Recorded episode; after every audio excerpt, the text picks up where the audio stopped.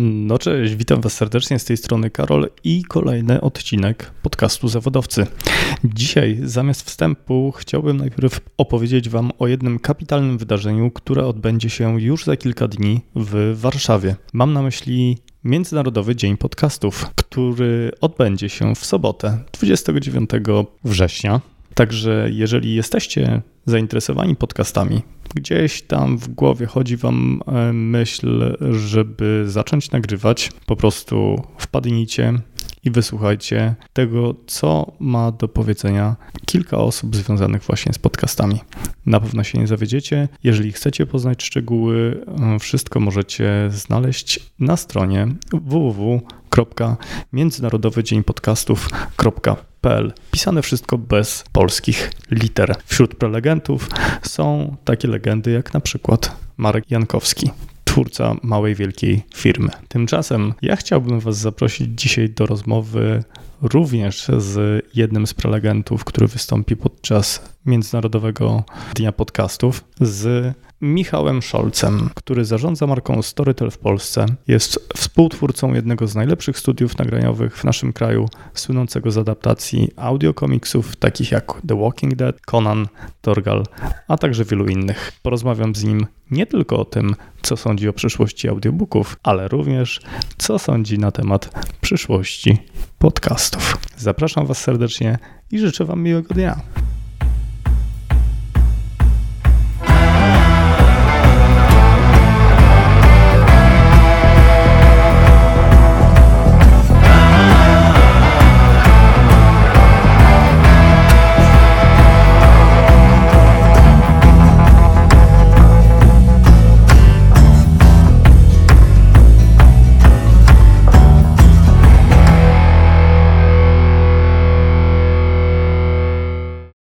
No dobrze, wiesz co, w, w ogóle przede wszystkim Michał, bardzo dziękuję, e, że znalazłeś czas i przyjąłeś zaproszenie do podcastu Nie Zawodowcy. Cała przyjemność po mojej stronie.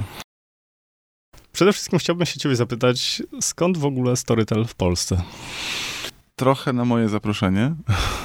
Historia wygląda tak, że po tym jak przez kilka lat byłem studiem nagraniowym, producentem audiobooków, w końcu wydawcą audiobooków i stwierdziłem, e, że chciałbym zrobić jeszcze coś więcej, e, czyli zadbać o to, żeby w Polsce o audiobookach było głośniej, więcej mówiło się powszechniej, żeby stały się czymś tak popularnym jak seriale telewizyjne, czy, czy seriale w ogóle, czy muzyka.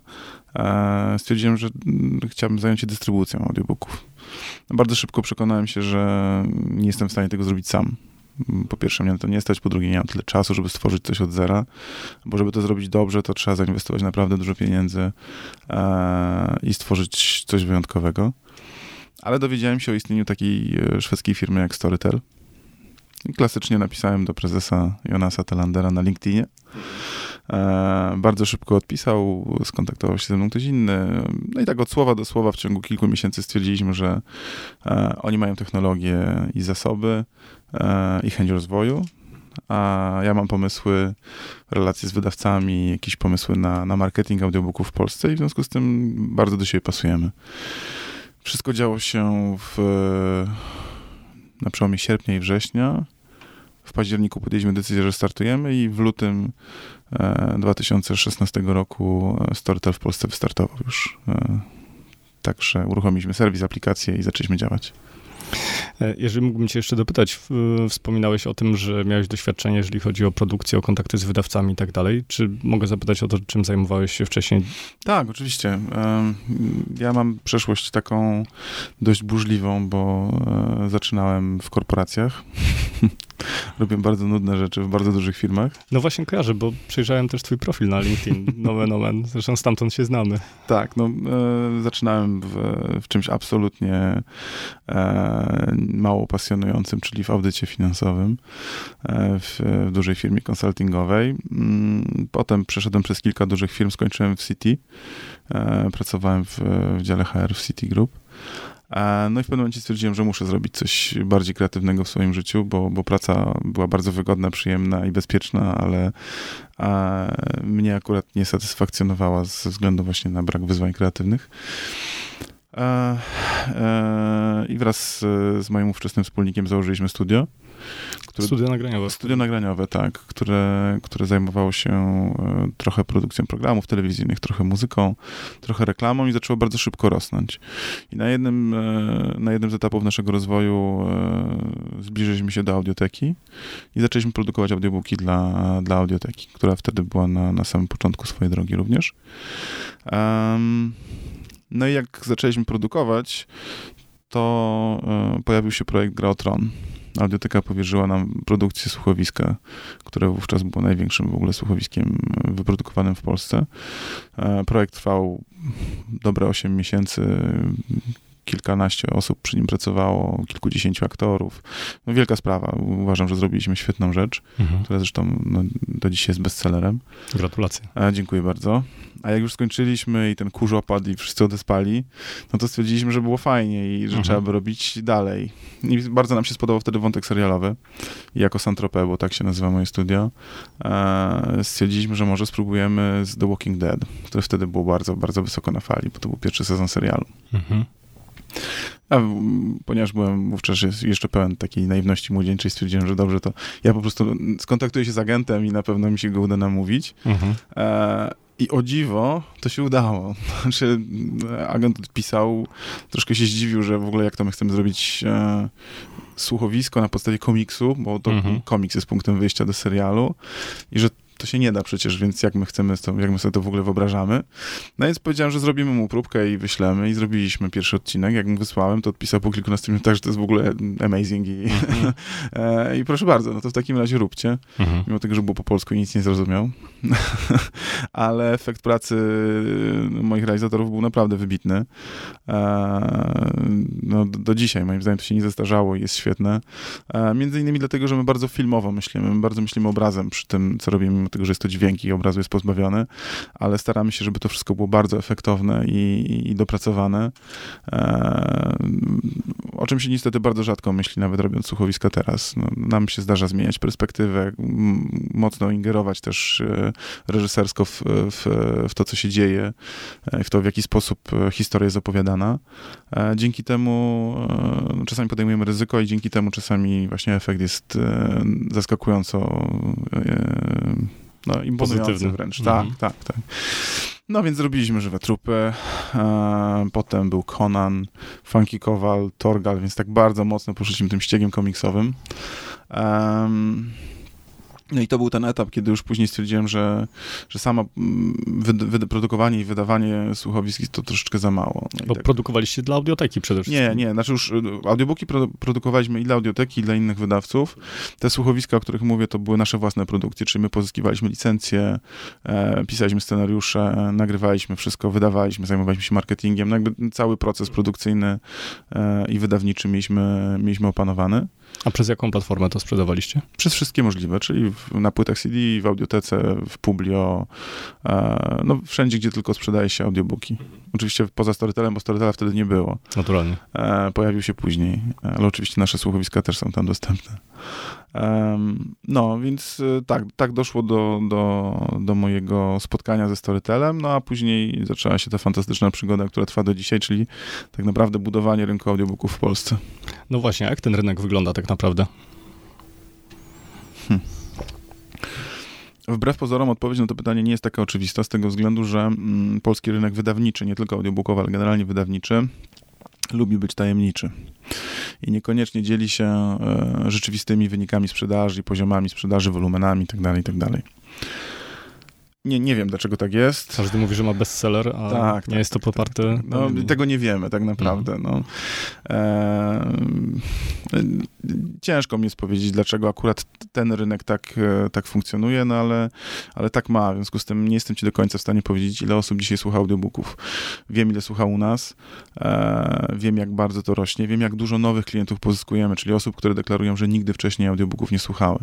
I to jest tak naprawdę nasz cel, bo... Mm, jakby kiedy wchodziliśmy na rynek do Polski, e, czyli te dwa i pół roku temu, wiele osób pytało, no, w jaki sposób zamierzamy walczyć z audioteką. I ja zawsze odpowiadałem, co pewnie wtedy było brane jako jakieś tam buńczuczne przechwałki, że nam w ogóle nie chodzi o walkę z audioteką. Audioteka ma jakiś rynek na tamten czas istniejący, tylko ten rynek wówczas był e, no, maluteńki. I to nie chodzi o to, żeby bić się o te, nie wiem, 20 czy 30 tysięcy klientów, których wtedy miała audioteka, tylko o to, żeby stworzyć tak naprawdę rynek, którego jeszcze nie ma, bo w Polsce audiobooków powinno słuchać kilkaset tysięcy, a nie kilkadziesiąt. I, i to o ten rynek możemy się bić, ale skoro go nie ma, to trzeba go najpierw e, stworzyć. I stąd właśnie e, to, co zrobiliśmy w Storytel przez 2,5 roku ostatnio. Stąd chociażby chyba wasze reklamy w telewizji. Dokładnie tak.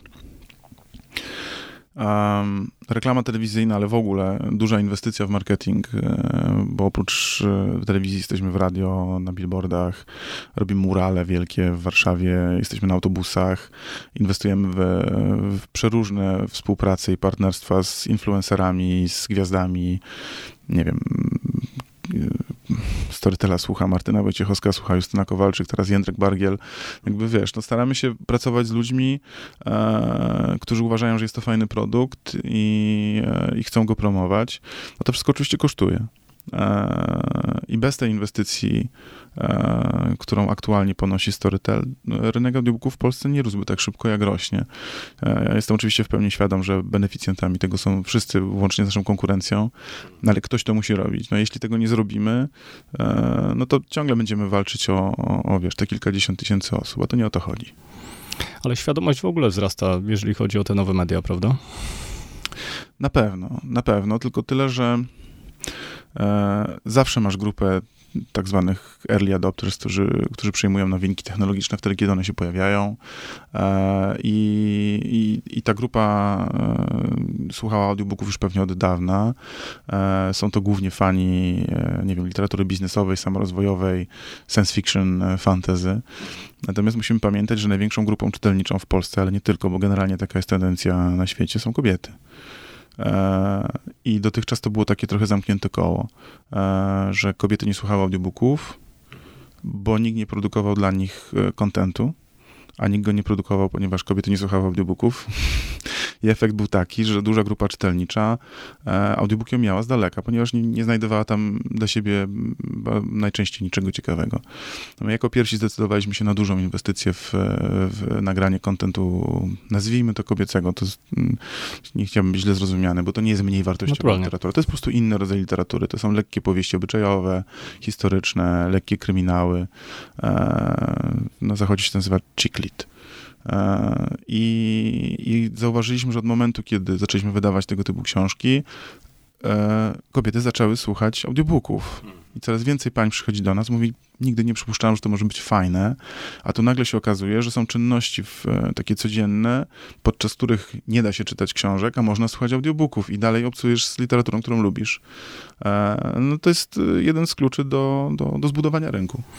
Naturalnie, to jest akurat jedna rzecz, która mnie osobiście urzekła w ogóle w całym audio, to znaczy to, że audio oszczędza twój czas. Zdecydowanie tak.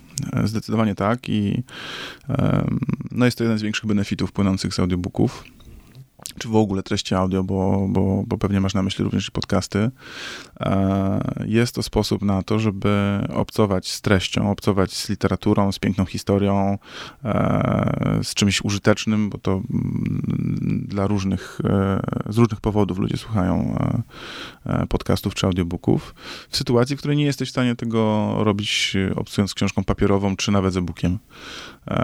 Nie da się prowadzić samochodu i czytać książki ciężko jest robić kolację i czytać książkę. Ciężko jest czytać książkę na spacerze z psem, kiedy się z nim aktywnie chodzi, a nie siedzi na ławce. E, e, natomiast audiobook w każdej z tych chwil e, jest pod ręką i jest dostępny, no, zwłaszcza, że masz go w telefonie. Wystarczy, że nie zapomniałeś słuchawek ze sobą i możesz go posłuchać. Świat, w którym obecnie żyjemy 10 lat temu jeszcze nie istniał. Pewnie na dużo mniejszą skalę niż teraz. Tak? No, penetracja smartfonów jest gigantyczna. W zasadzie każdy z nas ma urządzenie do odtwarzania treści audio w kieszeni. Wystarczy założyć słuchawki. I to jest tak naprawdę kwestia wyrobienia w sobie e, przyzwyczajenia i nawyków do tego, żeby słuchać. Bo znaczy, ja sam wiem, jak ciężko jest, bo, bo nie jestem e, nie jestem uzależniony od audiobooków, jeśli, jeśli chodzi o moją postawę jako konsumenta i wiem, że czasami mam problem z tym, żeby zacząć słuchać 20-godzinnej książki, bo to jest wielka przygoda, która potrwa prawdopodobnie e, kilka miesięcy nawet czasami. E, więc wiem, że wiele osób myśli sobie o tym w ten sposób, że no nie, no ja nie mam przecież 20 godzin teraz, kiedy, kiedy ja tego wysłucham. Naprawdę jest taka, że e, to nie musi być 20 godzin naraz. E, możesz sobie to podzielić na dowolne, małe fragmenty i czasami wystarczy 15 minut, kiedy masz, nie wiem, nawet stojąc w kolejce, czy, czy, czy no, będąc na tym spacerze, czy będąc na siłowni i biegając na bieżni, masz pół godziny kiedy możesz posłuchać kolejnej części swojej, swojej historii, która jest bardzo fajna i wciągająca. Widzę po sobie, nawet jak słucham e, rozmów Tima Ferisa, który publikuje podcasty dwu, trzygodzinne, nie muszę ich słuchać e, naraz. naraz. Mhm, mogę je sobie podzielić, mogę do nich wrócić. To jest rzeczywiście ta wolność, którą daje ten telefon, o którym wspomniałeś. Tak. No, oczywiście to jest z jednej strony wielkie uzależnienie i źródło wielu problemów, e, natomiast e, fajnie jest odnajdywać w tym rzeczy wartościowe i akurat moim zdaniem możliwość słuchania audiobooków czy podcastów e, dzięki telefonowi to jest duża wartość. Ale chyba inaczej już nie będzie nie podejmuje się tutaj, wiesz, wymyślania e, czy, czy przewidywania, jaka będzie nasza przyszłość, bo pewnie jest wiele rzeczy, których sobie nawet nie jesteśmy w stanie wyobrazić. Ale myślę, że w najbliższym czasie, w takiej ogarnialnej przyszłości, to, to, to tak, to tak będzie. Będziemy mieli telefony, w których będziemy mieli coraz więcej aplikacji. E, I w pewnym sensie wyzwanie dla nas, jako dla dystrybutora treści, to będzie walka z innymi dystrybutorami E, treści, o czas, o czas człowieka, bo to jest zasób, którego się nie da powiększyć. E, mamy 24 godziny na dobę, część musimy przeznaczyć na sen, na pracę i tak dalej i zostaje nam tych kilka godzin, które możemy przeznaczyć na rozrywkę, samorozwój e, i, i my walczymy, nie wiem, z Netflixem, walczymy ze Spotify'em, ale również walczymy z Instagramem czy, czy nawet Facebookiem Naturalnie. o czas człowieka. I to jest nasze zadanie, przekonać e, Polaków, że, że warto zainstalować aplikację i posłuchać przez kilkanaście, kilkadziesiąt minut dziennie fajnego audiobooka albo fajnego podcastu, e, niż scrollować e, swój feed na Facebooku czy Instagramie, bo to niewiele wnosi do twojego życia. Rozmawiałem ostatnio z moim znajomym z liceum, z którym dawno się nie widzieliśmy. Pozdrawiam cię teraz, Witek. Witek jest notariuszem i opowiadałem mu w ogóle właśnie o całym audio, podcastach, o audiobookach i tak dalej. I on, mimo to, że ani z tego e, nie korzysta, nie zna w ogóle w e, audiobooków, audioteki, storytela i tak dalej, mm. to słuchał, słuchał i mówi, no tak, przecież to oszczędza czas. I to chyba rzeczywiście jest najważniejsze, w, e, co mówisz, że cała sfera audio pozwala nam robić więcej. Tak, tak. No myślę, że też dużym wyzwaniem dla nas jest e, zmienić trochę sposób postrzegania audiobooków, bo, bo wiele osób e, w pewnym sensie słusznie łączy audiobook z książką, i, i myśli o tym jako o czymś, e, niestety, no tak się składa, że dla wielu z nas książka kojarzy się z lekturą, lektura kojarzy się ze szkołą, a to wszystko kojarzy się z czymś e, męczącym, koniecznym, nieprzyjemnym, absolutnie nie jest sexy, nie jest fajne i, i nie jest modne. No. Więc tutaj też staramy się bardziej pokazać, że audiobooki i Storytel to jest, to jest rozrywka a nie mm, koniecznie jakaś strasznie aspiracyjna kultura wyższa. To jest coś naprawdę codziennego użytku. E, coś, e, do czego nie trzeba podchodzić z jakimś nie wiadomo jakim nabożeństwem. E, jest to po prostu coś fajnego i dostępnego. Ale chyba wystarczy popatrzeć w przeszłość, co się działo chociażby z Polskim Radiem, z reportażami Polskiego Radia, ze słuchowiskami, z Matysiakami, kiedy przy radioodbiornikach gromadziły się tłumy i całe rodziny słuchały. Oczywiście, tylko musisz zwrócić uwagę na to, że wtedy była dużo mniejsza alternatywa. Naturalnie padliśmy trochę ofiarą e, nieograniczonego wręcz wyboru. Dzisiaj nie jesteś ograniczony do dwóch kanałów telewizyjnych. E, masz ich setki w zasadzie. Masz platformy, które dają ci twój ulubiony film, serial w dowolnym momencie, to ty wybierasz, kiedy chcesz go oglądać. E, muzykę masz przez cały czas w telefonie, jaką chcesz. No plus oczywiście mm, dostępność do internetu i do wszystkich portali społecznościowych. To powoduje, że e, jesteś atakowany treściami z każdej strony, w każdej chwili e, i musisz dokonywać wyborów. No i teraz jakby moim zadaniem i zadaniem Storytela i zresztą wszystkich ludzi, którzy pracują w, w, w, rynku audiobookowym jest przekonać ludzi do tego, żeby wybrali audiobooka, a nie kolejny raz przesłuchanie płyty Kanye Westa, czy, e, czy oglądanie tego, a nie innego serialu na Netflixie, czy innej platformie. Czy nawet YouTube'a. Czy nawet YouTube'a, dokładnie tak. Kiedy zaczynałem kręcić podcasty, pomyślałem sobie, a przejdę się po ulicach Warszawy i w ogóle zapytam warszawiaków, czy wiedzą, czym jest podcast. I? E, najciekawsza odpowiedź, z jaką się spotkałem e, na pytanie, czy cześć, czy wiesz, co to są podcasty, brzmiała mniej więcej tak, podcasty? No pewnie, że wiem. Są kasty i są podcasty. Boż, okej. Okay. E, e, widzisz, bo to jest tak, że my czasami zakładamy, że coś jest oczywiste. I żyjemy w takiej trochę swojej bańce. własnej bańce. Tak jest, dokładnie tak. I, I myślę, że podobnie jest z audiobookami, bo zakładamy, że wszyscy wiedzą, czym są audiobooki mhm. i pewnie wiele osób wie, natomiast na pewno nie wiedzą o tym wszyscy i to nie jest wiedza powszechna. No, zresztą wiesz, jak wyglądają pytania do, do młodych ludzi w cyklu Matura to bzdura. No. Więc y, absolutnie nie możemy zakładać, że coś jest, y, że coś jest oczywiste y, i czasami trzeba tłumaczyć na, na bardzo prostych przykładach i pokazywać w ogóle o co chodzi w słuchaniu i jak to jest, że że, można słuchać książki. Ale zobacz, że ludzie zaadaptowali już na przykład YouTube'a i y, zadawałem jednocześnie te, oprócz podcastów, pytałem ludzi o YouTube. E, I zdecydowana większość wiedziała już, co to jest, czym to się je, mhm. dlaczego jest alternatywą dla telewizji i tak dalej. No tak, tylko zobacz, ile lat i jak duża inwestycja w markę YouTube tak naprawdę została wykonana. To nie, nie wydarzyło się z dnia na dzień i na pewno nie przypadkowo. E, tak samo jak dzisiaj nie mówisz raczej, żebyś wyszukał czegoś w internecie, tylko mówisz, wygooglaj sobie. Dokładnie. No ale to wiesz, klasyk, tak jak kiedyś na buty sportowe mówiło się Adidasy. Mimo tego, że było wiele innych marek. Pewnie. W takim razie, jaki jest klucz do tego, żeby przyciągnąć ludzi, którzy jeszcze nie wiedzą o audiobookach do siebie? No myślę, że y, jest kilka różnych ścieżek. Pierwszą i taką najważniejszą jest to, żeby zaoferować ludziom ciekawe treści. Ciekawe i różnorodne. To jest oczywiście duże wyzwanie, bo, bo to wszystko jest bardzo kosztowne. My produkujemy rocznie 300-350 audiobooków. Staramy się, żeby były jak najbardziej różnorodne, żeby tam były kryminały i powieści historyczne i fantazy i coś dla dzieci. Natomiast e, no, to jest jeszcze długa droga przed nami. W Polsce wydaje się rocznie, z tego co pamiętam, nawet kilkadziesiąt tysięcy różnych tytułów książek, bodajże dwadzieścia kilka tysięcy a audiobooków, audiobooków pro, produkuje się pewnie już teraz pomiędzy 1000 a 2000 szczeram rocznie i pewnie bliżej tysiąca. Z czego wy produkujecie w granicach 300? 350. Audioteka. audioteka. Nie, audioteka produkuje trochę, ale mniej niż kiedyś. Sporo produkuje biblioteka akustyczna i Storybox. Storybox jest bardzo też takim dużym wydawcą audiobooków. No myślę, że razem jesteśmy w stanie uzbierać 1500, ale nie, nie, nie sądzę, żeby to przekroczyło 2000. No, w związku z czym ta oferta jest e, z definicji dużo mniejsza niż oferta książkowa. E, co oznacza, że my już jako wydawca i jako producent na, na samym początku wybieramy to, co będzie w ogóle dostępne. To już zawęża ofertę, no, ale staramy się, żeby ta oferta była jak najciekawsza, żeby było tych audiobooków jak najwięcej.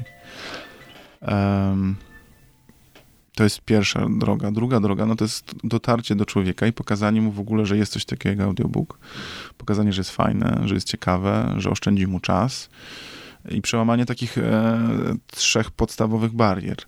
E, pierwsza bariera to jest taka, że nie mam czasu, więc pokazujemy, że masz czas. Nie wiesz o tym, ale masz czas, masz mnóstwo chwil w ciągu dnia. Druga bariera to jest właśnie nie mam okazji do słuchania. A tu chodzi o to, że nie trzeba wyszukiwać nie wiadomo jakich specjalnych okazji, co się dzieje przy codziennych czynnościach. No a, a trzecia bariera to jest y, cena, no ale jakby tą barierę adresujemy subskrypcją. U nas za 29,90 możesz słuchać wszystkiego, ile chcesz w dowolnym momencie. Możesz zmieniać. Jeśli książka ci przestaje w danym momencie pasować, bo masz nastrój i ochotę posłuchać czegoś innego, to zmieniasz ją, zmieniasz na, ją na inną. Natomiast ja osobiście dodaję jeszcze do tego jedną barierę, y, którą mam nadzieję za chwilkę właśnie pokonamy. To jest właśnie ta obawa przed słuchaniem e, dużej, długiej książki. Wydaje mi się, że wiele osób zniechęca się do audiobooka, bo jak widzi, że będzie to trwało 15 godzin, a on ma 30 minut dziennie, żeby tego posłuchać i nie codziennie. W związku z tym ta książka będzie mu towarzyszyć przez miesiąc czy więcej. W związku z tym mówi, no nie, to chyba nie mam na to czasu. Mhm. Jaka Dlatego... jest recepta? E, no i tu się zdziwisz, bo moim zdaniem receptą na to właśnie są podcasty. E, planujemy wprowadzić już wkrótce, myślę, że w przyszłym miesiącu, e, podcasty do Storytela. E, jako, jako treści krótsze, łatwiej przyswajalne i likwidujące tą barierę, którą należy pokonać, czyli właśnie tej wielkiej, e, wielkiego przedsięwzięcia, jakim jest przesłuchanie długiej książki.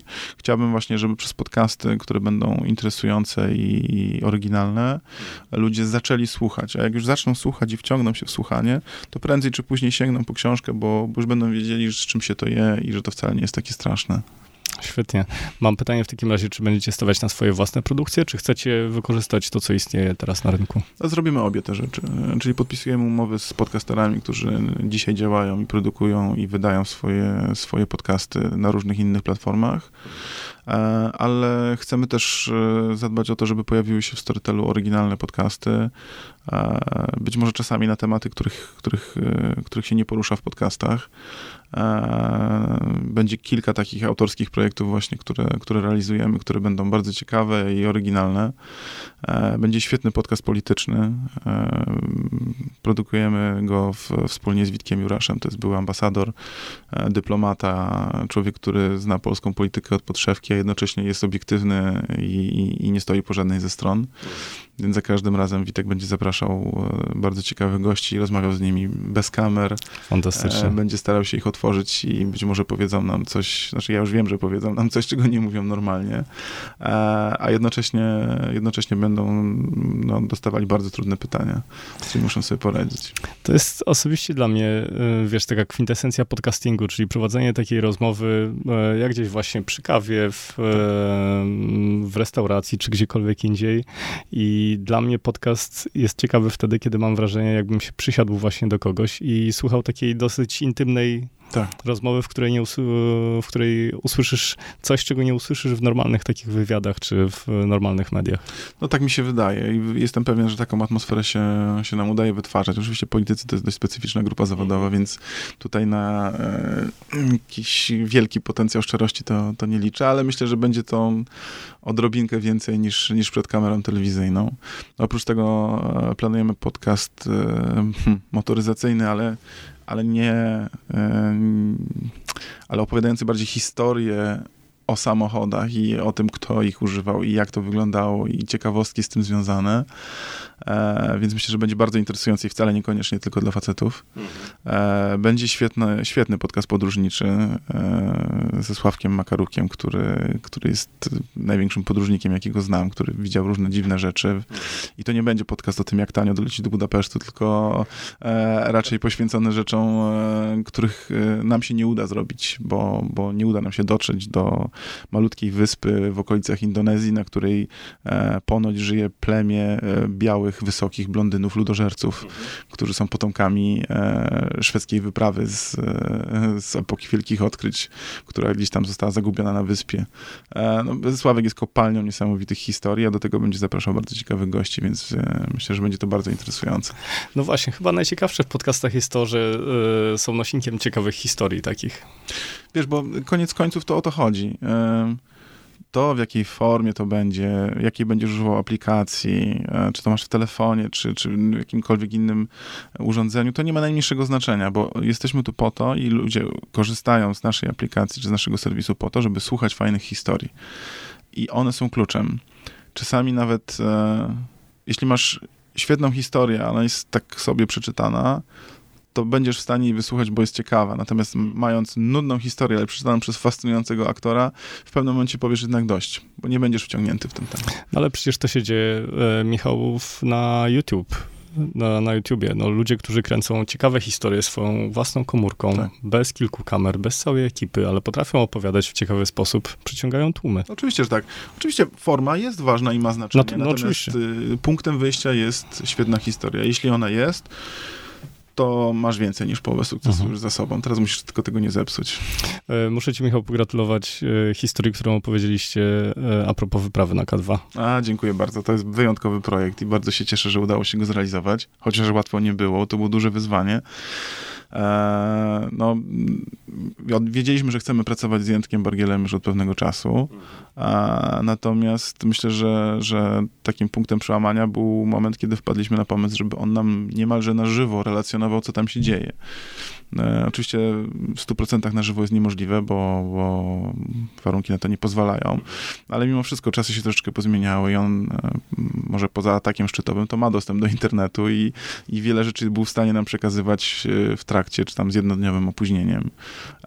My to, co on nam przekazywał, spisywaliśmy i powstawał, powstawał taki serial dokumentalny, audio, który był u nas nagrywany, a do tego jeszcze Andrzej ze swoją ekipą nagrywali wiele rzeczy, które tam, tam się działy, więc ten serial został wzbogacony o mnóstwo fajnych elementów. Oprócz tego, że są ich rozmowy między sobą, e, to mamy tam dźwięki, które stamtąd pochodzą, tak? No, jak wieje wiatr, to to jest wiatr z Karakorum. E, słyszymy, jak oni chodzą po górach, słyszymy, co tam się dzieje, słyszymy śpiewy szerpów, e, słyszymy lawiny, burze i wszystko inne. No właśnie miałem powiedzieć, że to jest doskonały przykład opowiadania historii dźwiękiem. Tak. I to, co zrobiliście, przypomina mi, wiesz, najlepsze reportaże y, Polskiego Radia, y, gdzie masz pewną narrację, masz cały, wiesz, całe tło, masz bohatera, masz historię, to wszystko jest po prostu opowiedziane dźwiękiem. Tak, zgadza się. Ja cieszę się, że to doceniasz, bo to nie jest takie oczywiste, ale, ale tak, to był wyjątkowy projekt i mam nadzieję, że, że powstaną inne tego typu. Akurat wyprawa Jędrka jest, jest absolutnie wyjątkowa, bo jest pierwszym człowiekiem, który zjechał na nartach z K2. E, myślę, że podobne wyczyny już dzisiaj zdarzają się, się bardzo rzadko, bo coraz mniej jest granic do przekraczania. E, ale z drugiej strony, jak znam Jędrka, to on za chwilę coś wymyśli i pojedzie w inne piękne miejsce, żeby zrobić coś bardzo szalonego, a pewnie będziemy wtedy z nim e, i o tym opowiemy. E, no. W ogóle cała gałąź, cała gałąź non-fiction to jest e, osobny dział, e, bo to są innego rodzaju historie. To, jest, to są historie, które naprawdę się wydarzyły. No w sumie chyba najciekawsze historie zawsze pisze życie. No, pewnie tak. Tak się mówi. pewnie tak, tak mówi przysłowie. A są to inne historie, na pewno inne, mhm. tak? No, mieliśmy na przykład taką sytuację, że no to była decyzja redaktorska, redakcyjna, którą musieliśmy podjąć. E, nie opowiadaliśmy już o tym, co się wydarzyło po, po, po sukcesie Jędrka, po tym jak zjechał ze szczytu. E, natomiast y, wiesz, on chwilę po tym jak zjechał, dowiedział się, że, że na K2 właśnie zginął członek ekipy japońskiej. E, to, to nam też uświadomiło, że, że, że super, że jemu się udało ale to nie było wcale proste i to nie było oczywiste i abstrahując od tego, że on ma organizm, który to zniósł, no to, to, to naprawdę było ekstremalne i on mógł zginąć w każdej chwili, nie? tak naprawdę. E, jeden z moich gości, Michał Leksiński, który był rzecznikiem wyprawy na, e, na K2, opowiadał właśnie o, o tych wszystkich takich cieniach e, tak. tych sukcesów, które się, które się dzieją na naszych oczach. No, jest tego mnóstwo. E, zresztą niewykluczone, że cała nasza historia ma pięć odcinków, niewykluczone, że pojawi się odcinek szósty, mhm. który będzie jakimś tam właśnie e, podsumowaniem tej wyprawy, no i też opowieścią tego, co było dalej, bo, bo dalej też było ciekawie. E, myślę, że fajnie jest się dowiedzieć, co oni robią w momencie, kiedy już im się udaje odnieść sukces i, i co się dzieje, jak oni wracają do, do, do siebie, jak wracają do rzeczywistości. Ja akurat z Jędrkiem widziałem się parę dni temu i wiem, że ten powrót jest dość ciężki, bo on teraz oczywiście jest absolutnie, totalnie rozrywaną osobą. Wiem, próbowałem się do niego dodzwonić. E, doszedłem do wniosku, że nie będę tego robił e, teraz, tylko poczekam na jakiś lepszy Tak, lepszy myślę, że tak. No zresztą on teraz planuje przynajmniej chwilę odpocząć nad morzem z mamą, więc e, wiem, myślę, wiem. że ten czas jest mu bardzo, bardzo potrzebny. Oczywiście to jest, to jest świetne i, i on, on chce w tym wszystkim uczestniczyć, jak sądzę. No, ciężko sobie odbierać tą chwilę właśnie radości i chwały, która nastąpiła po ciężkim wysiłku. no ale jest w ciągłym ruchu i bardzo mało śpi aktualnie. Ale wiesz co, naprawdę, jeszcze raz pogratuluję ci tego, bo e, ten projekt podobał mi się na każdej płaszczyźnie, począwszy od tej właśnie, wiesz, e, opowiadania historii, e, formy dźwiękowej, jaką przybraliście, ale tak samo od formy, wiesz, wizualnej, którą prezentowaliście na, w internecie. No tak, oczywiście to też jest, wiesz, zasługa fantastycznych zdjęć, które oni robią i filmów i tego wszystkiego, bo, bo to, jest, to, to jest niesamowite, że wiesz, dzieje się historyczna rzecz, wyprawa w największe, najwyższe góry, jakiś ekstremalny wyczyn, a, a my to wszystko widzimy. E, my to możemy zobaczyć w danym momencie, niemalże na żywo. No jak Jędrek zjeżdżał, no to na, na Instagramie można było to na żywo oglądać. No to jest w ogóle niesamowite. E, ale tak, no powstają dzięki temu fantastyczne zdjęcia e, i, i tak, i dzięki temu właśnie ta szata graficzna całego projektu była wyjątkowa. No i trochę chyba jest teraz tak, że... Y nie wystarczy skupić się na jednym medium, to znaczy chociażby na medium y, dźwiękowym, ale można to wszystko wzbogacić o dźwięk, y, o obraz, o wideo. Tak. O Instagrama. Nie ukrywam, Facebooka. że chodzi nam po głowie taki interaktywny projekt, e, takie już zamknięcie klamrą tego, co, co Jędrek zrobił. E, I chodzi nam po głowie wydanie takiej interaktywnej książki, albumu ze zdjęciami, który będzie zawierał treści, które, które my wydaliśmy w audio. Jednocześnie będzie można e, w prosty sposób, czy za pomocą RFID, czy, czy jakichś QR-kodów, e, przenieść się do treści audio i posłuchać tego samego, co, co, co możemy przeczytać i zobaczyć na zdjęciach. Więc myślę, że coś takiego wkrótce powstanie. W takim razie trzymam kciuki, e, Michał, naprawdę i jeszcze raz gratuluję tego, e, tego projektu. Super, dziękuję. Fajne jest to, że mm, ten projekt został podchwycony w innych krajach w Storytelu.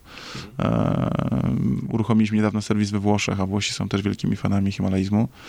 E, w związku z tym e, natychmiast, kiedy ten e, odcinek powstawał w Polsce, on był tłumaczony na język włoski i wydawany we Włoszech. No właśnie, a mam pytanie, jak wygląda wydawanie, dajmy na to, włoskiego materiału włoskiej wersji reportażu o, o Bargielu. No, odbywa się dokładnie tak samo jak w Polsce, tylko tyle, że z kilkudniowym opóźnieniem, które jest potrzebne na przetłumaczenie i nagranie tej treści we Włoszech. Oczywiście jest trudniej z tego powodu, że... Pytam o tłumaczenie przede wszystkim, wiesz, dialogów, które one nie były, się pojawiają. One nie były tłumaczone. Aha, rozumiem. Więc, e, więc one zostały w wersji oryginalnej. Mhm. Natomiast, no w ogóle fakt, że Storytel jest firmą międzynarodową, daje nam wiele możliwości. Jesteśmy aktualnie obecni na 13 rynkach i co roku uruchamiamy 5-6 nowych. E, więc to rozwija się bardzo szybko, no i dzięki temu możemy też e, wydawać treści pochodzące z tamtych krajów albo eksportować polskich autorów za granicę i to się odbywa. Mało kto o tym wie, ale e, mamy taki projekt, który się nazywa Storytel Original. To w jego ramach właśnie powstał też audiobook z Jędrkiem. Mm, w ramach tego projektu my zlecamy polskim pisarzom produkcję seriali. Oni piszą dla nas scenariusze seriali, które są wydawane w formie audio. Powstają takie dziesięcioodcinkowe sezony, które są pisane z takim e, no, zacięciem właśnie serialowym i z zachowaniem zasad serialowych, czyli mają cliffhangery, te odcinki. Mhm. E, wszystko jest pisane tak, jakby miał być to serial filmowy, tylko nie jest, jest po prostu serialem audio. Wykorzystujecie big data tak jak Netflix? Staramy się coraz bardziej. uczymy się big data. Na pewno jeszcze nie jesteśmy tak dobrze, poza tym no, nie mamy aż tylu klientów jak Netflix, więc oni mają dużo większą bazę danych. E, tak, ale też oczywiście idziemy w stronę jak największej personalizacji treści e, do, do użytkowników. No i e, ten projekt jest międzynarodowy, w związku z tym, e, nie wiem, seriale napisane u nas przez, przez, e, przez Kubę Ćwieka chociażby, czy przez Kubę Małeckiego, są wydawane w, na innych rynkach, w innych językach musimy się tym chyba troszeczkę bardziej chwalić, bo mam wrażenie, że, że Polacy są bardzo głodni międzynarodowych sukcesów e, i to nie jest codzienność, że, że polski pisarz jest wydawany jednocześnie na kilku rynkach, a tak jest tak aktualnie w Storytelu. Fantastycznie, gratulacje, naprawdę. Mhm. A ciekaw jestem od strony biznesowej, y, Michał, czy y, to jest projekt, który już na siebie zarabia? Nie mogę tego powiedzieć. Okay. Nie mogę tego powiedzieć, aczkolwiek e, pewnie jak się zastanowisz nad skalą naszej inwestycji w marketing, to szybko dojdziesz do wniosku, mhm. że E, no, musiałby jeszcze wiedzieć, jak duży jest polski rynek audiobooków. E, e, raczej, mogłem mieć jakieś mgliste wyobrażenia Raczej jak tego. sobie to przeliczysz, dojdziesz do wniosku, że to jest wieloletnia inwestycja. To nie jest coś, mhm. co po dwóch latach jest w stanie na siebie zarabiać. Wiesz, ale pytałem też o Storytela w, na globalnie. A, to jest zupełnie inna sprawa, bo Storytel jest dość wyjątkowy, zwłaszcza jak go porównasz do innych firm działających w tym samym modelu, choćby do Spotify'a. E, Spotify w swojej historii zdaje się nie przyniósł jeszcze ani centa zysku, a Storytel konsekwentnie od początku swojego założenia jest firmą, która na siebie zarabia i przynosi zyski swoim, e, swoim właścicielom, więc to jest zupełnie inna sytuacja.